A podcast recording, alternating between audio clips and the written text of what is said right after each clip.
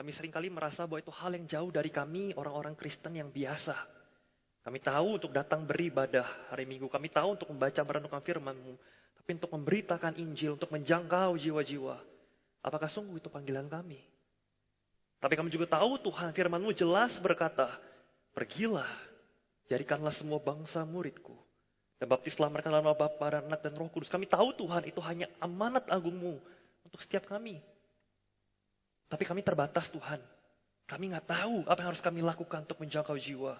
Kami nggak tahu bagaimana menjadi saksi Injil dan memenangkan jiwa untuk Tuhan.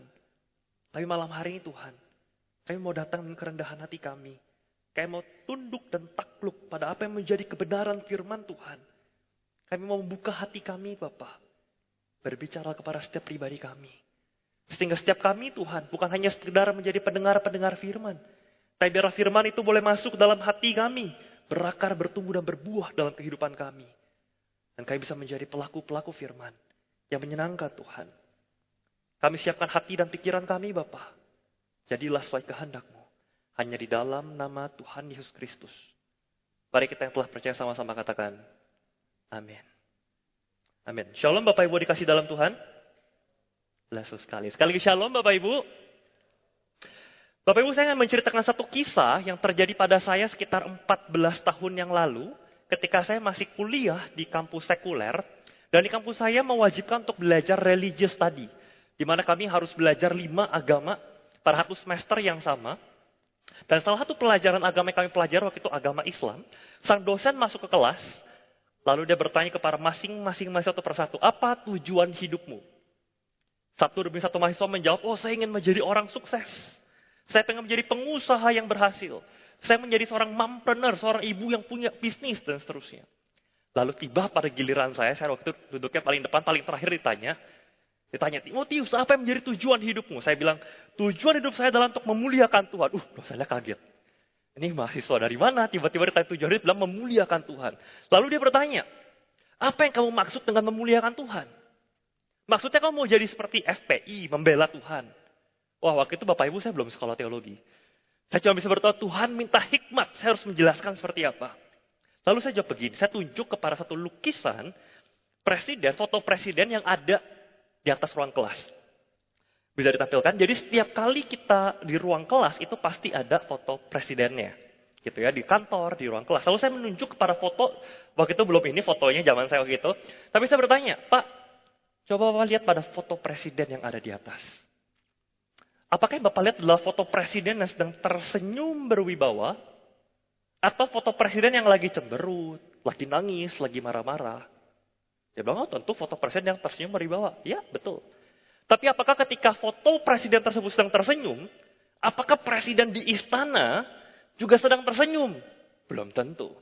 Terus jadi presiden lagi pusing sekarang mikirin pemilu bagaimana dan seterus-terusnya. Belum tentu dia tersenyum. Tapi Pak, sudah menjadi kodrat dari si gambar, image dari si presiden untuk menggambarkan presiden yang tersenyum berwibawa. Kalau foto presidennya jelek, presiden lagi marah-marah, lagi cemberut, mungkin diganti, diturunin. Nggak pantas buat jadi foto presiden. Maka saya katakan, Pak, saya diciptakan sebagai gambar dan rupa Allah. Saya diciptakan sebagai the image of God. Dan sebagaimana Tuhan, saya adalah Tuhan yang mulia. Maka seperti foto presiden tersebut, sudah menjadi kodrat saya untuk memuliakan Tuhan.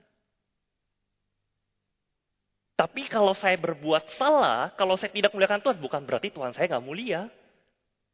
Tapi itu menjadi panggilan hidup saya. Saya diciptakan untuk memuliakan Tuhan. Saya mengatakan Tuhan saya gak perlu dibela, Pak. Kenapa?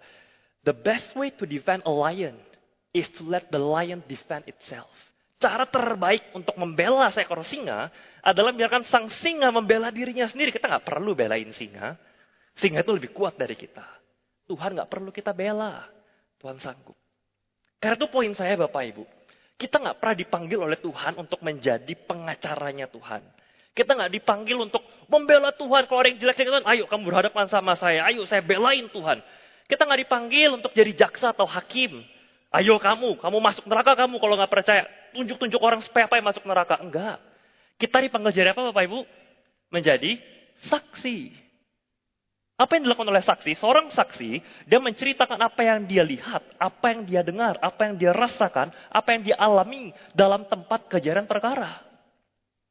Yang nggak disuruh untuk, ayo belain Tuhan, atau ayo lakukan uh, pembelaan, atau tuntut sana sini, hakimin orang, enggak. Kita diminta untuk menceritakan apa yang kita rasakan, kita alami, kita lihat, kita dengar. Yesus. Firman Tuhan dalam kisah Rasul 1 ayat 8 kita baca bersama-sama ya. Kisah Rasul 1 ayat 8 demikian firman Tuhan 1, 2, 3. Tetapi kamu akan menerima kuasa kalau roh kudus turun ke atas kamu. Dan kamu akan menjadi pengacaraku? Bukan. Jadi jaksaku? Jadi apa Bapak Ibu? Saksi. Di Yerusalem, Yudea, Samaria sampai ke ujung bumi. Kita dipanggil untuk menjadi saksi. Pertanyaannya, apa yang kita saksikan Bapak Ibu? Jelas, Jadikan saksiku, saksinya Kristus. Kita menjadi saksi Injil. Dan pertanyaan saya berikutnya, apa itu Injil? Kita sering kata, ayo kita kabarkan Injil. Apa itu Injil? Injil diambil dari kata evangelion. Ada kata dua unsur kata di sini kata eu yang artinya bagus, good. Euphoria artinya good feeling, perasaan bagus. Dan angelion yang artinya adalah message atau news atau pesan atau kabar atau berita yang juga menjadi akar kata angel, malaikat, artinya pembawa pesan dari kata yang sama. Maka Injil sejatinya artinya adalah berita baik, kabar baik, the good news, the good message. Kabar baik tentang apa? Kabar baik tentang Yesus. Yesus yang ngapain? Yang mengarahkan mujizat. Yesus yang memecah-mecah roti dan memberi makan lima ribu orang. Injil adalah kabar baik tentang Yesus yang lahir, Yesus yang mati, dan Yesus yang bangkit. Maka pertanyaan saya berikutnya adalah, kenapa Yesus harus lahir jadi manusia? Kalau Yesus adalah Allah yang maha kuasa, bukankah dia tinggal berfirman, diampunilah dosa manusia, maka dosa manusia diampuni. Beres toh? Kenapa harus repot-repot lahir jadi manusia, lahir di palungan, dihina, dicaci maki, disiksa dan seterusnya? Bukankah dia Allah yang maha kuasa? Bapak Ibu saya punya satu kisah atau ilustrasi. Suatu hari saya mengamat-ngamati seekor semut. Dan semut, dia kalau bawa makanan, itu biasa porsi makanan lebih gede dari badannya. Jadi ketika saya lihat ekor semut ini, saya ngerasa kasihan. Lalu saya lihat semut ini lagi berjalan menuju ke ujung tembok. Ada lubang di ujung tembok. Mungkin itu rumahnya atau sarangnya. Saya bermaksud baik. Saya pengen ambil makanannya, kasihan dia bawanya berat gitu kan. Saya taruh di lubang rumahnya, di lubang semut. Tapi begitu saya ambil makanan, eh semutnya malah kabur Bapak Ibu. Mungkin versi si semut dia lagi berteriak, ada raksasa, ada raksasa. Semut ini nggak ngerti kalau saya lagi pengen nolongin dia. Maka pertanyaannya gimana caranya supaya si semut itu ngerti, oh ini tuh lagi pengen ditolong, tuh lagi pengen nolongin. Gimana caranya? Caranya satu. Saya jadi semut.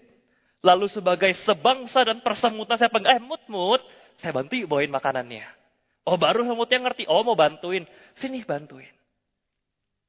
Begitu juga dengan Allah yang maha besar dengan manusia Bapak Ibu. Kalau Allah yang begitu besar, Allah yang maha besar, tiba-tiba mau nolong manusia nih. Ujung jarinya aja masuk.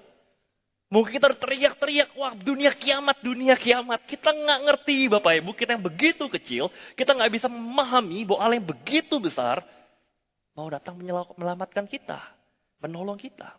Maka gimana caranya supaya manusia paham dan mengerti, oh Tuhan tuh lagi pengen nolongin kita tuh. Gimana caranya? Allah jadi manusia. Cuman bedanya, saya manusia mustahil jadi semut. Tapi buat Allah yang maha kuasa, tidak ada yang mustahil buat dia. Termasuk menjadi manusia. Itulah kenapa Allah menjadi manusia, supaya manusia relate, supaya manusia mengerti, oh Allah lagi pengen tolongin saya. Dan kedua, bukan hanya supaya manusia bisa relate sama Tuhan, Allah menjadi manusia juga menunjukkan bagaimana Allah peduli untuk relate dengan kita. Saya kasih contoh begini. Kalau ada seseorang anak muda, Bapak Ibu, yang sedang berduka karena kedua orang tuanya baru saja meninggal. Lalu datang dua temannya bermaksud menghibur. Teman yang pertama dia berkata, hei, uh, ya aku nggak ngerti sih perasaanmu sekarang seperti apa, karena kedua orang tuaku baik-baik saja. Tapi kalau kamu butuh bantuan apa-apa, kontak-kontak aku ya. Apa yang bisa aku bantu, aku bantu buat kamu. Lalu ada teman yang kedua datang. Dia nggak banyak ngomong. Dia cuma bilang, hey, tiga bulan yang lalu, aku juga baru kehilangan orang tuaku. Tahu perasaanmu. Aku ada buat kamu. Kira-kira dari dua teman ini, Bapak Ibu, mana yang lebih efektif, mana yang lebih bisa untuk menolong anak yang sedang berduka tersebut? Yang pertama atau yang kedua? Yang kedua. Bapak Ibu, orang yang bisa tepat menolong orang yang habis bangkrut, mengalami kebangkrutan usaha juga adalah orang yang pernah mengalami kebangkrutan. Orang yang bisa menolong orang yang sedang bergumul dengan penyakit kanker misalnya. Juga adalah orang yang juga pernah mengalami pergumulan yang sama menghadapi penyakit kanker. Maka Bapak Ibu ketika Tuhan hanya menjadi Allah yang duduk di atas tahtanya di sorga. Dia ongkang-ongkang kaki. Dia nggak ngerti apa menjadi pergumulan manusia. Bagaimana dia bisa menolong kita. Tapi Allah bukan Allah yang seperti itu.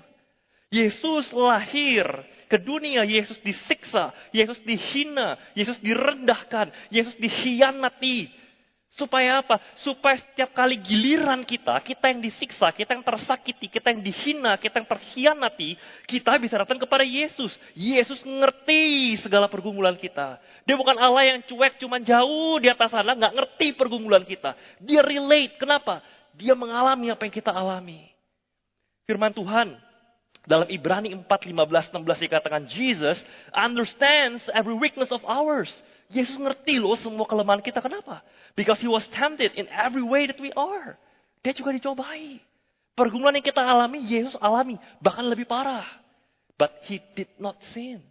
Tapi Yesus nggak jatuh dalam pencobaan. Dia nggak berdosa. So whatever we are in need, kapan pun kita membutuhkan dia, kita bisa dengan berani datang di harapan tahta Tuhan yang penuh kasih karunia. Dan di sana kita akan ditreat dengan undeserved kindness. And we will find help. Yesus sanggup menolong kita. Dia ngerti semua pergumulan kita. Kenapa? Karena dia mengerti. Dia bukan Allah yang nun jauh di sana yang transenden dia nggak ngerti apa-apa cuma tongkong kaki. No, he relates with us. Dia tahu semua pergumulan yang kita alami. Itu kenapa dia menjadi manusia. Tapi pertanyaan saya berikutnya, oke. Okay, kalau Yesus mau jadi manusia, supaya dia bisa relate dengan kita, kita bisa ngerti apa yang dia melakukan, oh dia mau nolong kita, dan dia ngerti semua pergumulan kita, dia bisa nolong kita. Oke, okay, saya ngerti kenapa harus jadi manusia. Tapi kenapa dia nggak lahir? Bahwa itu kan kerajaan Roma lagi berkuasa ya. Kenapa dia nggak lahir dari keluarga bangsawan kerajaan Roma jadi kaisar? Kan kalau dia jadi kaisar, jabatannya tinggi, dia punya influence, tinggal berkata, aku adalah Allah yang menjadi manusia, ayo percaya. Lah kenapa dia lahir di palungan, jadi anak tukang kayu, hidup penderita, bahkan sampai mati di atas kayu salib.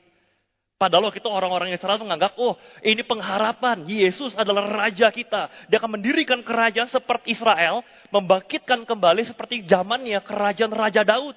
Kita menjadi raja yang kerajaan yang kembali megah, kerajaan yang berkuasa, kerajaan yang adidaya. Lah kok malah mati di atas kayu salib? Murid-murid pun waktu itu sempat bimbang dan galau dan kecewa dan putus asa. Mereka pikir Yesus akan memberikan kerajaan yang begitu hebat di muka bumi. Mereka nggak paham apa konsep dari kerajaan surga yang saya beritakan. Kenapa Yesus harus mati? Tapi untuk menjawab kenapa Yesus harus mati, kita perlu melihat kematian pertama disebutkan di Alkitab itu terjadi di kitab kejadian pasal yang ketiga. Saya yakin Bapak Ibu tahu ceritanya, yaitu ketika Allah berfirman, eh Adam, Hawa manusia, itu ada buah di tengah-tengah taman, pengetahuan yang baik dan jahat, jangan kamu makan ya. Karena pada hari yang kamu makannya, nanti kamu mati. Pertanyaan saya, setelah manusia, Adam dan Hawa makan buah itu, manusia mati gak? Masih hidup. Loh, berarti Tuhan bohong dong. Katanya kalau makan buah nanti kamu mati. Dia nggak bilang, oh matinya nanti berapa ratus tahun lagi. Enggak.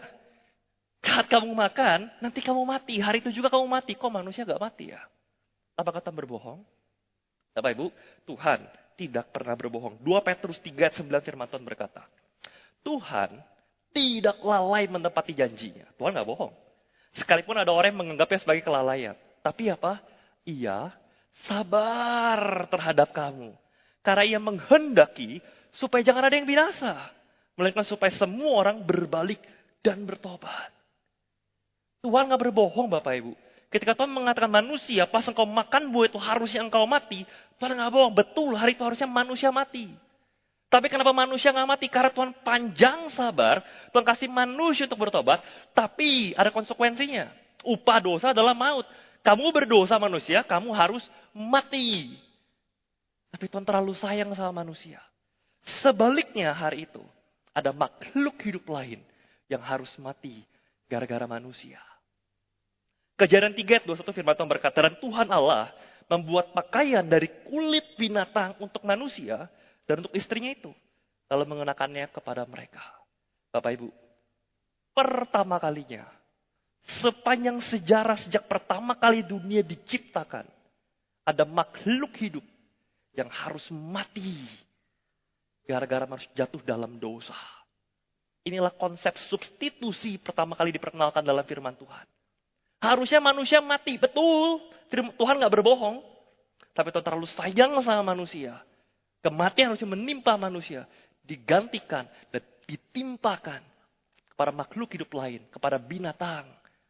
Dan kulit dari binatang yang dimatikan itu dipakai untuk menutupi tubuh manusia. Seolah-olah Tuhan mengatakan, aku jijik sekali dengan dosamu. Tapi sebagaimana kulit binatang menutupi tubuh manusia. Darah dari binatang yang tertumpah tersebut dipakai penutupi dosa manusia.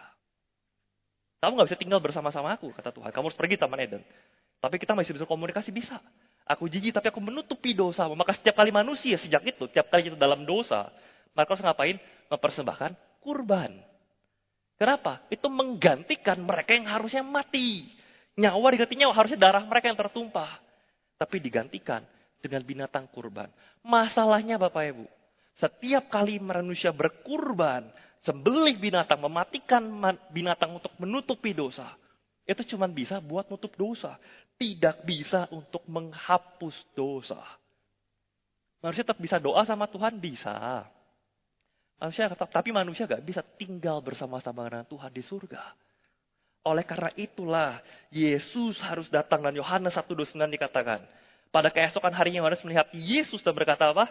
lihatlah anak domba Allah yang menutupi dosa?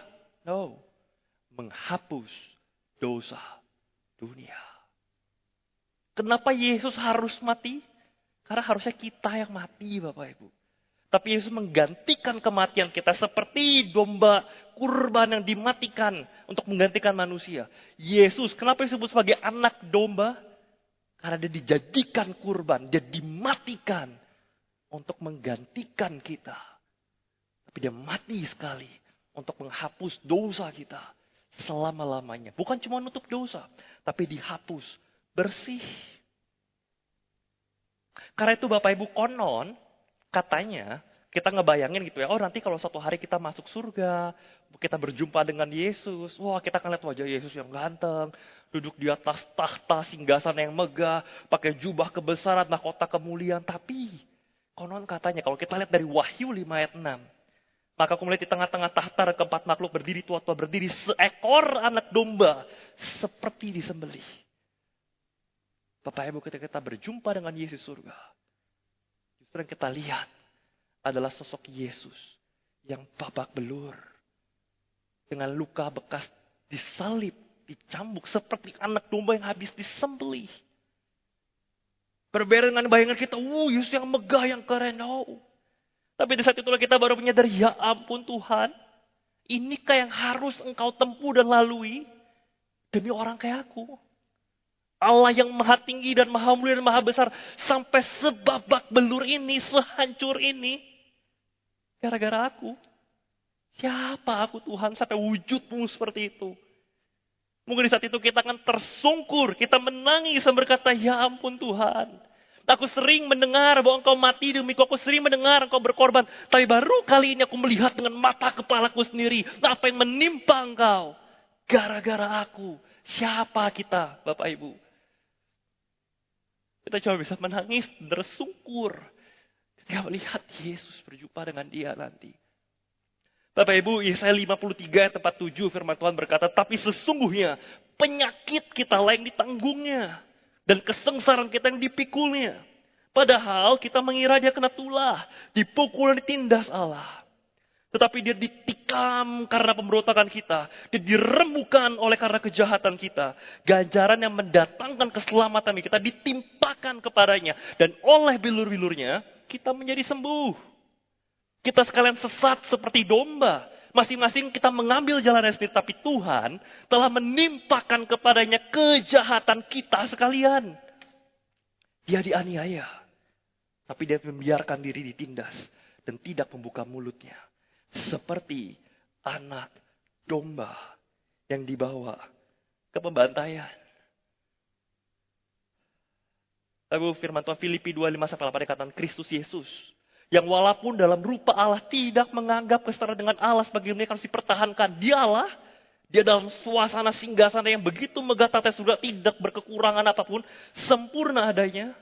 Tapi malah memilih untuk mengosongkan dirinya sendiri, mengambil rupa Bukan hanya seorang manusia, tapi seorang hamba, seorang budak, dan menjadi sama dengan manusia. Dan dalam keadaan sebagai manusia yang merendahkan dirinya taat sampai mati, bahkan mati di kayu salib. Tapi ibu pernah mikir, kenapa orang yang disalib cuma digantung bisa mati? Bapak ibu tahu gimana cara orang mati di kayu salib? Kenapa salib dikatakan sebagai hukuman yang begitu kejam dan hukuman yang begitu hina? Orang yang disalib, dia akan mati perlahan-lahan sambil kesakitan luar biasa. Kenapa? Orang disalib ketika tangannya digantung, mereka nggak bisa nafas. Satu-satu cara supaya mereka bisa nafas, mereka harus tarik badannya, ambil nafas, baru turun. Tapi dengan kondisi tangan yang terpaku, kaki yang terpaku, setiap kali dia narik cuman buat ambil nafas, sakitnya luar biasa. Dan ketika dia tarik badan naik dan turun lagi, kayu kasar, kayu saat pada di punggung, menusuk-nusuk badannya. Begitu sakit. Dan ketika dia tak kuasa lagi, udah ada tenaga buat tarik badan ambil nafas. Paru-parunya kekurangan oksigen akan terbakar. Rasanya seperti kebakar paru-parunya. Itu hukuman yang jahat sekali. Penyiksaan untuk mematikan secara perlahan-lahan. Dan kenapa begitu hina? Orang yang disalib, mereka digantung dan ditelanjangi bulat. Kita sering lihat patung, oh ada cawat terhadap kakak yang dalam. No, aslinya sih telanjangi bulat, tapi dia bahkan tidak berkuasa untuk menutupi auratnya sendiri. Sekejam, semenyakitkan dan semenghina itu. Hukuman kayu salib ditanggungkan kepada Yesus. Tapi buat Yesus yang jauh lebih menyakitkan, bukan rasa sakit, bukan rasa malu. Yang jauh lebih menyakitkan adalah ketika Allah Bapa memalingkan wajahnya Sampai seperti teriak, Eloi, Eloi lama sabaktani, Allahku, Allahku, mengapa engkau meninggalkan aku? Bapak Ibu, sepanjang Alkitab, pertama kali Yesus panggil Allah dengan sebutan Allah dan bukan Bapa. Yang selalu panggil Allah dengan panggilan Bapa. Orang-orang bingung, siapa ini Yesus? Allah yang begitu kosmik, begitu jauh. Dipanggil dengan panggilan Bapa, Daddy. Panggilan yang begitu dekat. Tapi satu-satunya momen Yesus nggak panggil Allah sebagai Bapa adalah di atas kayu salib. Kenapa? Bapa, meninggalkan dia. Bapak memalingkan wajah. Kenapa? Jijik. Karena Yesus menjadi dosa. Gara-gara kita. Tapi itu Yesus tanggung. Roma 5 8 firman Tuhan berkatakan tetapi Allah menunjukkan kasihnya kepada kita. Oleh karena Kristus telah mati untuk kita ketika kita masih berdosa. Pengorbanan Yesus adalah klimaks pembuktian dari kasih Allah kepada kita. Bapak Ibu dalam lovology atau filsafat tentang cinta kasih diajarkan bagaimana cara kita tahu bahwa seseorang mencintai kita atau kita mencintai seseorang ada lima indikator. Yang pertama adalah care.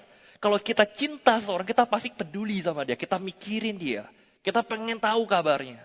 Care yang kedua kita appreciate. Kalau kita cinta seorang, kita pengennya puji-puji dia. Kita mandang dia lebih tinggi, lebih indah dari orang lain. Ketiga, trust. Kalau kita cinta seorang, kita gampang banget percaya sama dia. Keempat, understanding. Kalau kita cinta sama orang, kita gampang untuk memahami dia, memaklumi, memaafkan dia. Dan yang kelima, sacrifice. Kalau kita benar mencintai seorang, maka kita akan rela berkorban buat dia. Sacrifice is the highest form of love. Pengorbanan adalah bentuk cinta yang paling tinggi. Sepasang bapak ibu yang baru punya anak baby harus bangun tengah malam untuk tidurin anaknya atau kasih nusuk anaknya. Bukan karena mereka suka buat bangun malam-malam. Bukan karena mereka suka untuk kurang tidur. Dan mereka rela melakukan itu. Kenapa? Karena cinta. Dan Yesus membuktikan cinta. Dia katakan, tidak ada kasih yang lebih besar daripada kasih seorang sahabat yang menyerahkan nyawanya untuk sahabat-sahabatnya. Dan Yesus menyerahkan nyawanya buat kita.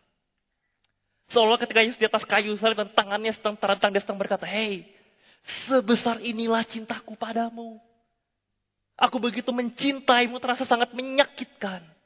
Aku begitu mencintaimu, lebih baik aku mati daripada hidup tanpa engkau di surga. Dan Yesus mati. Yesus mati bukan karena dia berbuat salah. Yesus mati karena dia terlalu cinta sama saudara dan saya.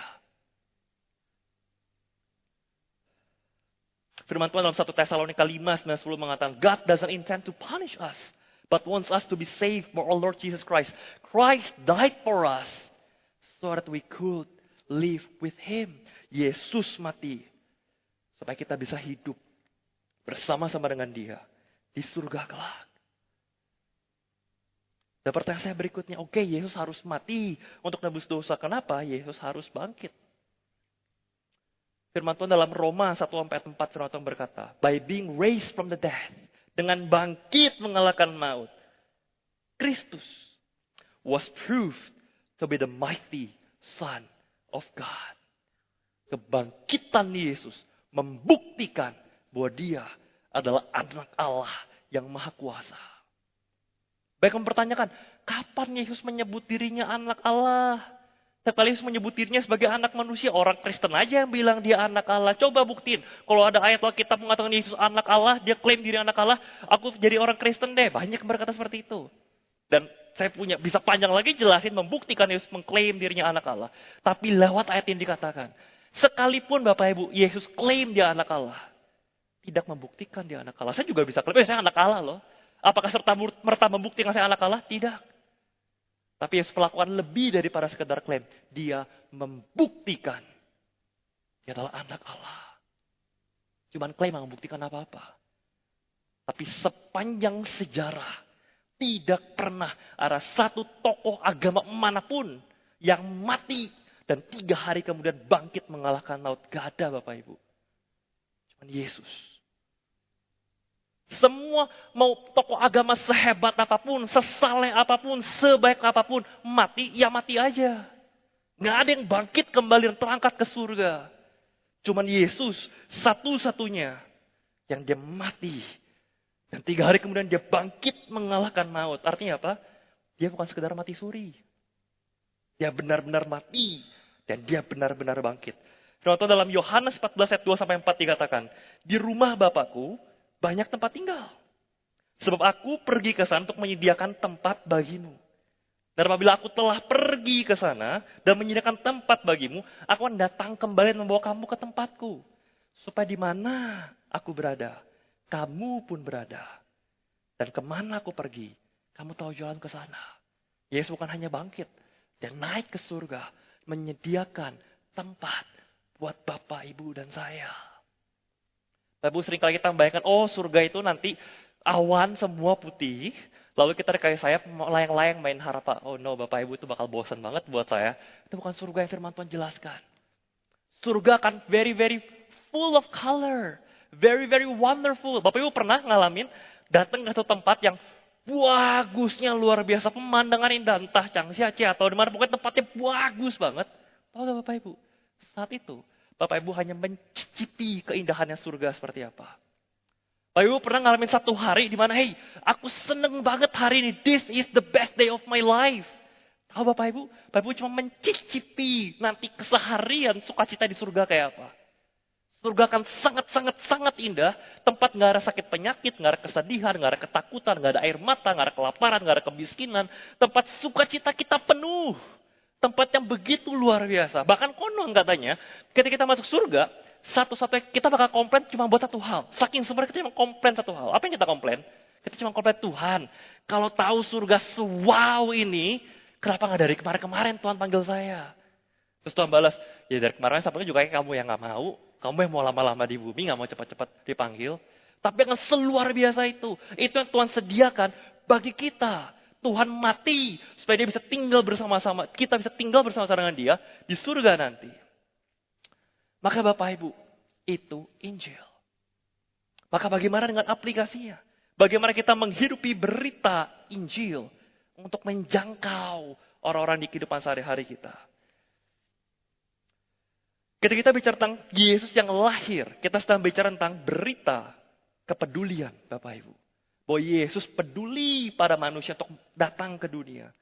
Kita bicara tentang mati, kita bicara tentang berita pengorbanan. Yesus yang berkorban buat kita. Dan kita bicara tentang berita kebangkitan Yesus. Kita bicara tentang berita pengharapan. Sesusah apa pun masalah kita di bumi. Ini bukan akhir akhir kita, happy ending kita ada di surga bersama dengan Tuhan. Maka gimana cara Bapak Ibu kita bisa menjangkau jiwa dalam keseharian kita? Simple. Jadilah saksi Injil. Apa itu saksi Injil? Saksi Injil adalah orang yang menghidupi berita Injil dalam kehidupan mereka. Bukan cuma tahu berita kepedulian, pengorbanan, pengharapan. Tapi kita sungguh-sungguh menghidupi kepedulian dalam hidup kita. Kita menghidupi pengorbanan dalam kehidupan kita. Kita menghidupi pengharapan di kehidupan kita. Sehingga ketika orang mengenal kita, orang bisa mengatakan, Hey, orang ini peduli sama saya. Hey, orang ini rela berkorban buat saya. Kita kenal seorang orang bilang, Hey, sejak kenal orang ini, saya menemukan pengharapan di dalam kehidupan saya. Ada gak Bapak Ibu? Kita mau peduli sama orang, kita rela berkorban sama orang, dan kita membawa pengharapan dalam kehidupan orang lain. Dan gimana caranya kita menghidupi Injil dengan efektif dalam kehidupan sehari-hari kita? Boleh tolong di next?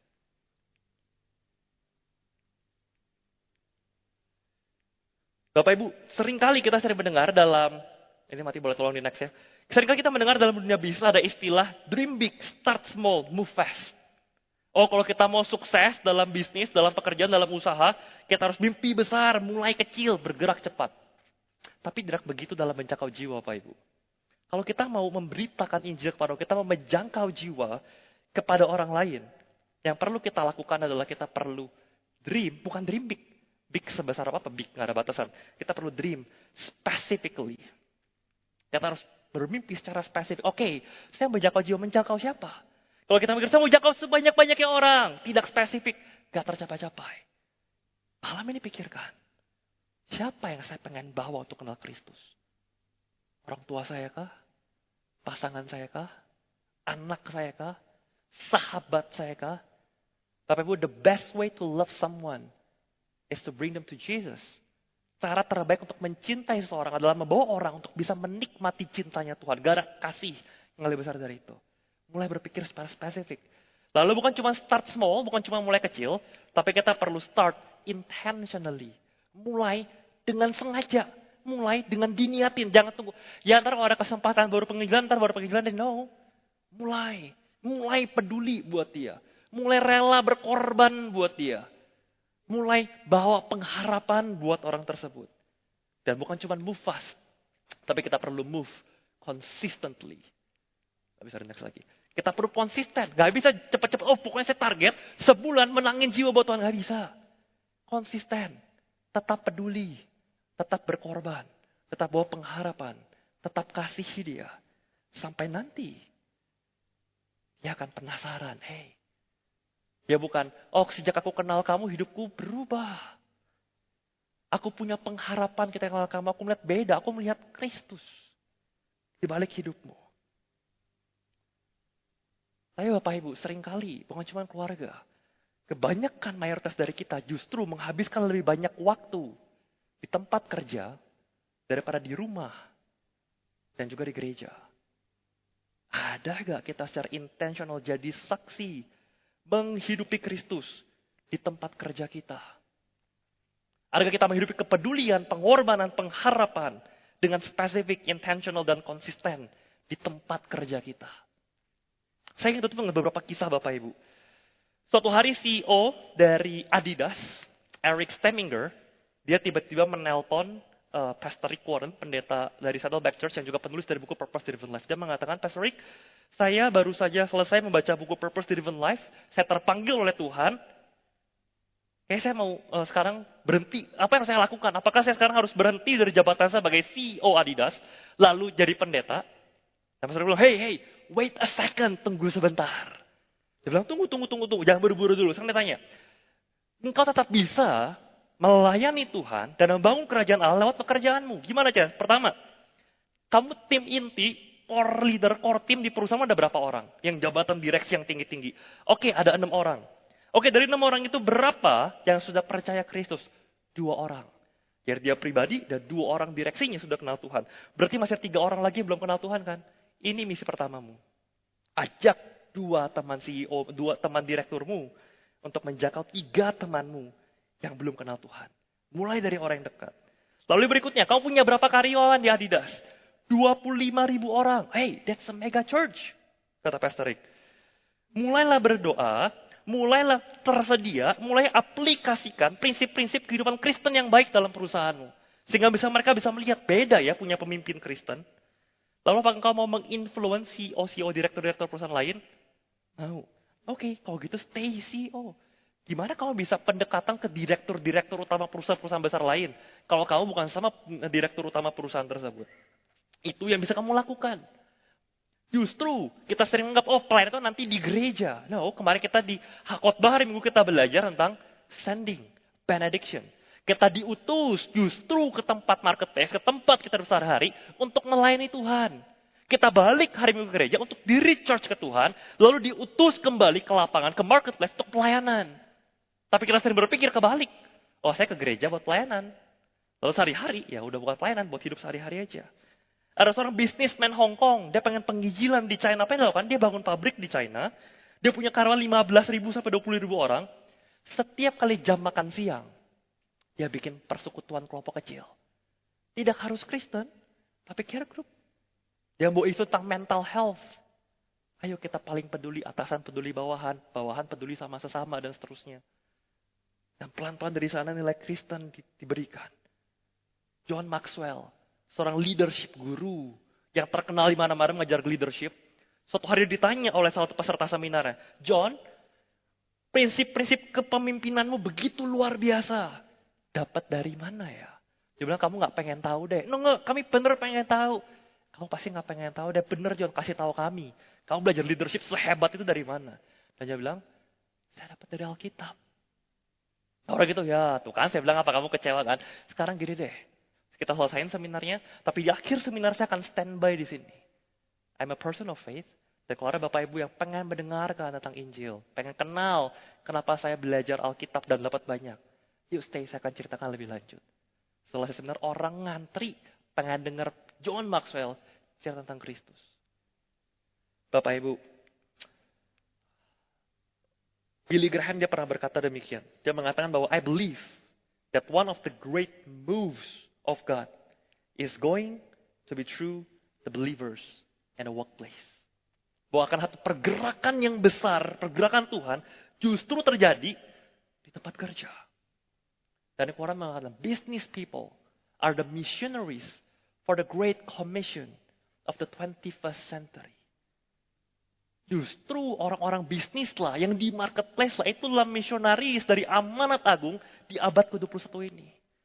Berapa banyak pendeta yang nggak bisa dengan fleksibel pergi untuk menginjilan, pergi ke luar negeri dan seterusnya. Kita orang-orang bis bisa. Kita punya akses ke marketplace, ke teman-teman sekerja kita, teman-teman di kantor kita. Let's do something. Ayo mulai gerakan kepedulian, gerakan pengorbanan, gerakan uh, pengharapan, dengan spesifik kita mau bawa siapa ke Tuhan. Dengan intentional dimulai dengan sengaja. Dan dengan konsisten. Kita bawa mereka ke Tuhan. Bapak Ibu punya perusahaan, ayo mulai bikin kelompok kecil di perusahaan. Gak usah bilang kelompok kecil Kristen, gak usah. Bilang aja kita bikin care group. Kita peduli sama mental health kalian. Ayo saling sharing. Ketika orang-orang ada masalah, kita boleh gak kita berdoa buat kalian? Ayo Bapak Ibu, lakukan sesuatu buat Tuhan. Kalau Bapak Ibu punya perusahaan, kalau Bapak punya usaha, Bapak Ibu bekerja tempat, Bapak Ibu punya hati kerinduan. Tapi saya nggak tahu Pak mau mulai dari mana. Ayo kita ngobrol.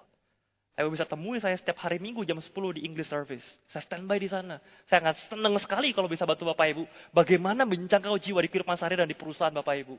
Saya melakukan itu. Bapak Ibu juga bisa. Saya akan tutup dengan satu bagian firman Tuhan Tera mengatakan Lukas 15.10. Aku berkata kepadamu, demikian juga akan ada sukacita para malaikat-malaikat Allah. Karena satu orang berdosa yang bertobat. Tapi nggak dipanggil untuk, ayo kita pengejar menangin ratusan orang, ribuan juga kita pengen nggak usah. Satu. Ayo bisa bawa satu jiwa aja. Surga gempar Bapak Ibu. Surga bersorak-sorai pesta luar biasa. Satu jiwa. Ibu jangkau. Saudara-saudara, kita panggilan gimana nggak usah. Mulai peduli pada satu jiwa. Mulai berkorban pada satu jiwa. Mulai bawa pengharapan pada satu jiwa dan Tuhan yang menolong kita. Mari kita tundukkan kepala kita, kita bersatu dalam doa. Bapak dalam surga kami tahu Tuhan. Membayangkan bagaimana kami harus menjangkau jiwa di kehidupan kami, di pekerjaan kami tidak mudah. Tapi Tuhan kalau kami mau membandingkan dengan apa yang Engkau telah lakukan bagi kami. Itu nggak ada apa-apanya Tuhan. Kami bukan siapa-siapa. Yang begitu kecil di hadapan Tuhan yang begitu besar. Tapi engkau Tuhan, begitu peduli kepada kami. Engkau mentreat kami seperti kami bola matamu sendiri yang begitu berharga. Engkau rela berkorban bahkan sampai mati dengan kematian yang begitu kejam, kematian yang begitu hina. Demi menebus kami. Dan engkau bangkit mengalahkan maut. Untuk memberikan pengharapan kepada kami dan kuasa yang membangkitkan Yesus dari kematian. Kami tahu Tuhan, kuasa itu juga lah yang akan menyertai kami. Tuhan ini kami. Kalau Tuhan mau pakai kami dalam kehidupan sehari-hari kami, dalam tempat kerja kami, berikan kami hikmat, tuntun kami, berikan kami kekuatan, berikan kami keberanian. Karena hidup kami bukan tentang kami Tuhan. Hidup kami adalah tentang Engkau. Terima kasih Bapak. Dalam nama Tuhan Yesus, kami berdoa, kami berserah. Amin.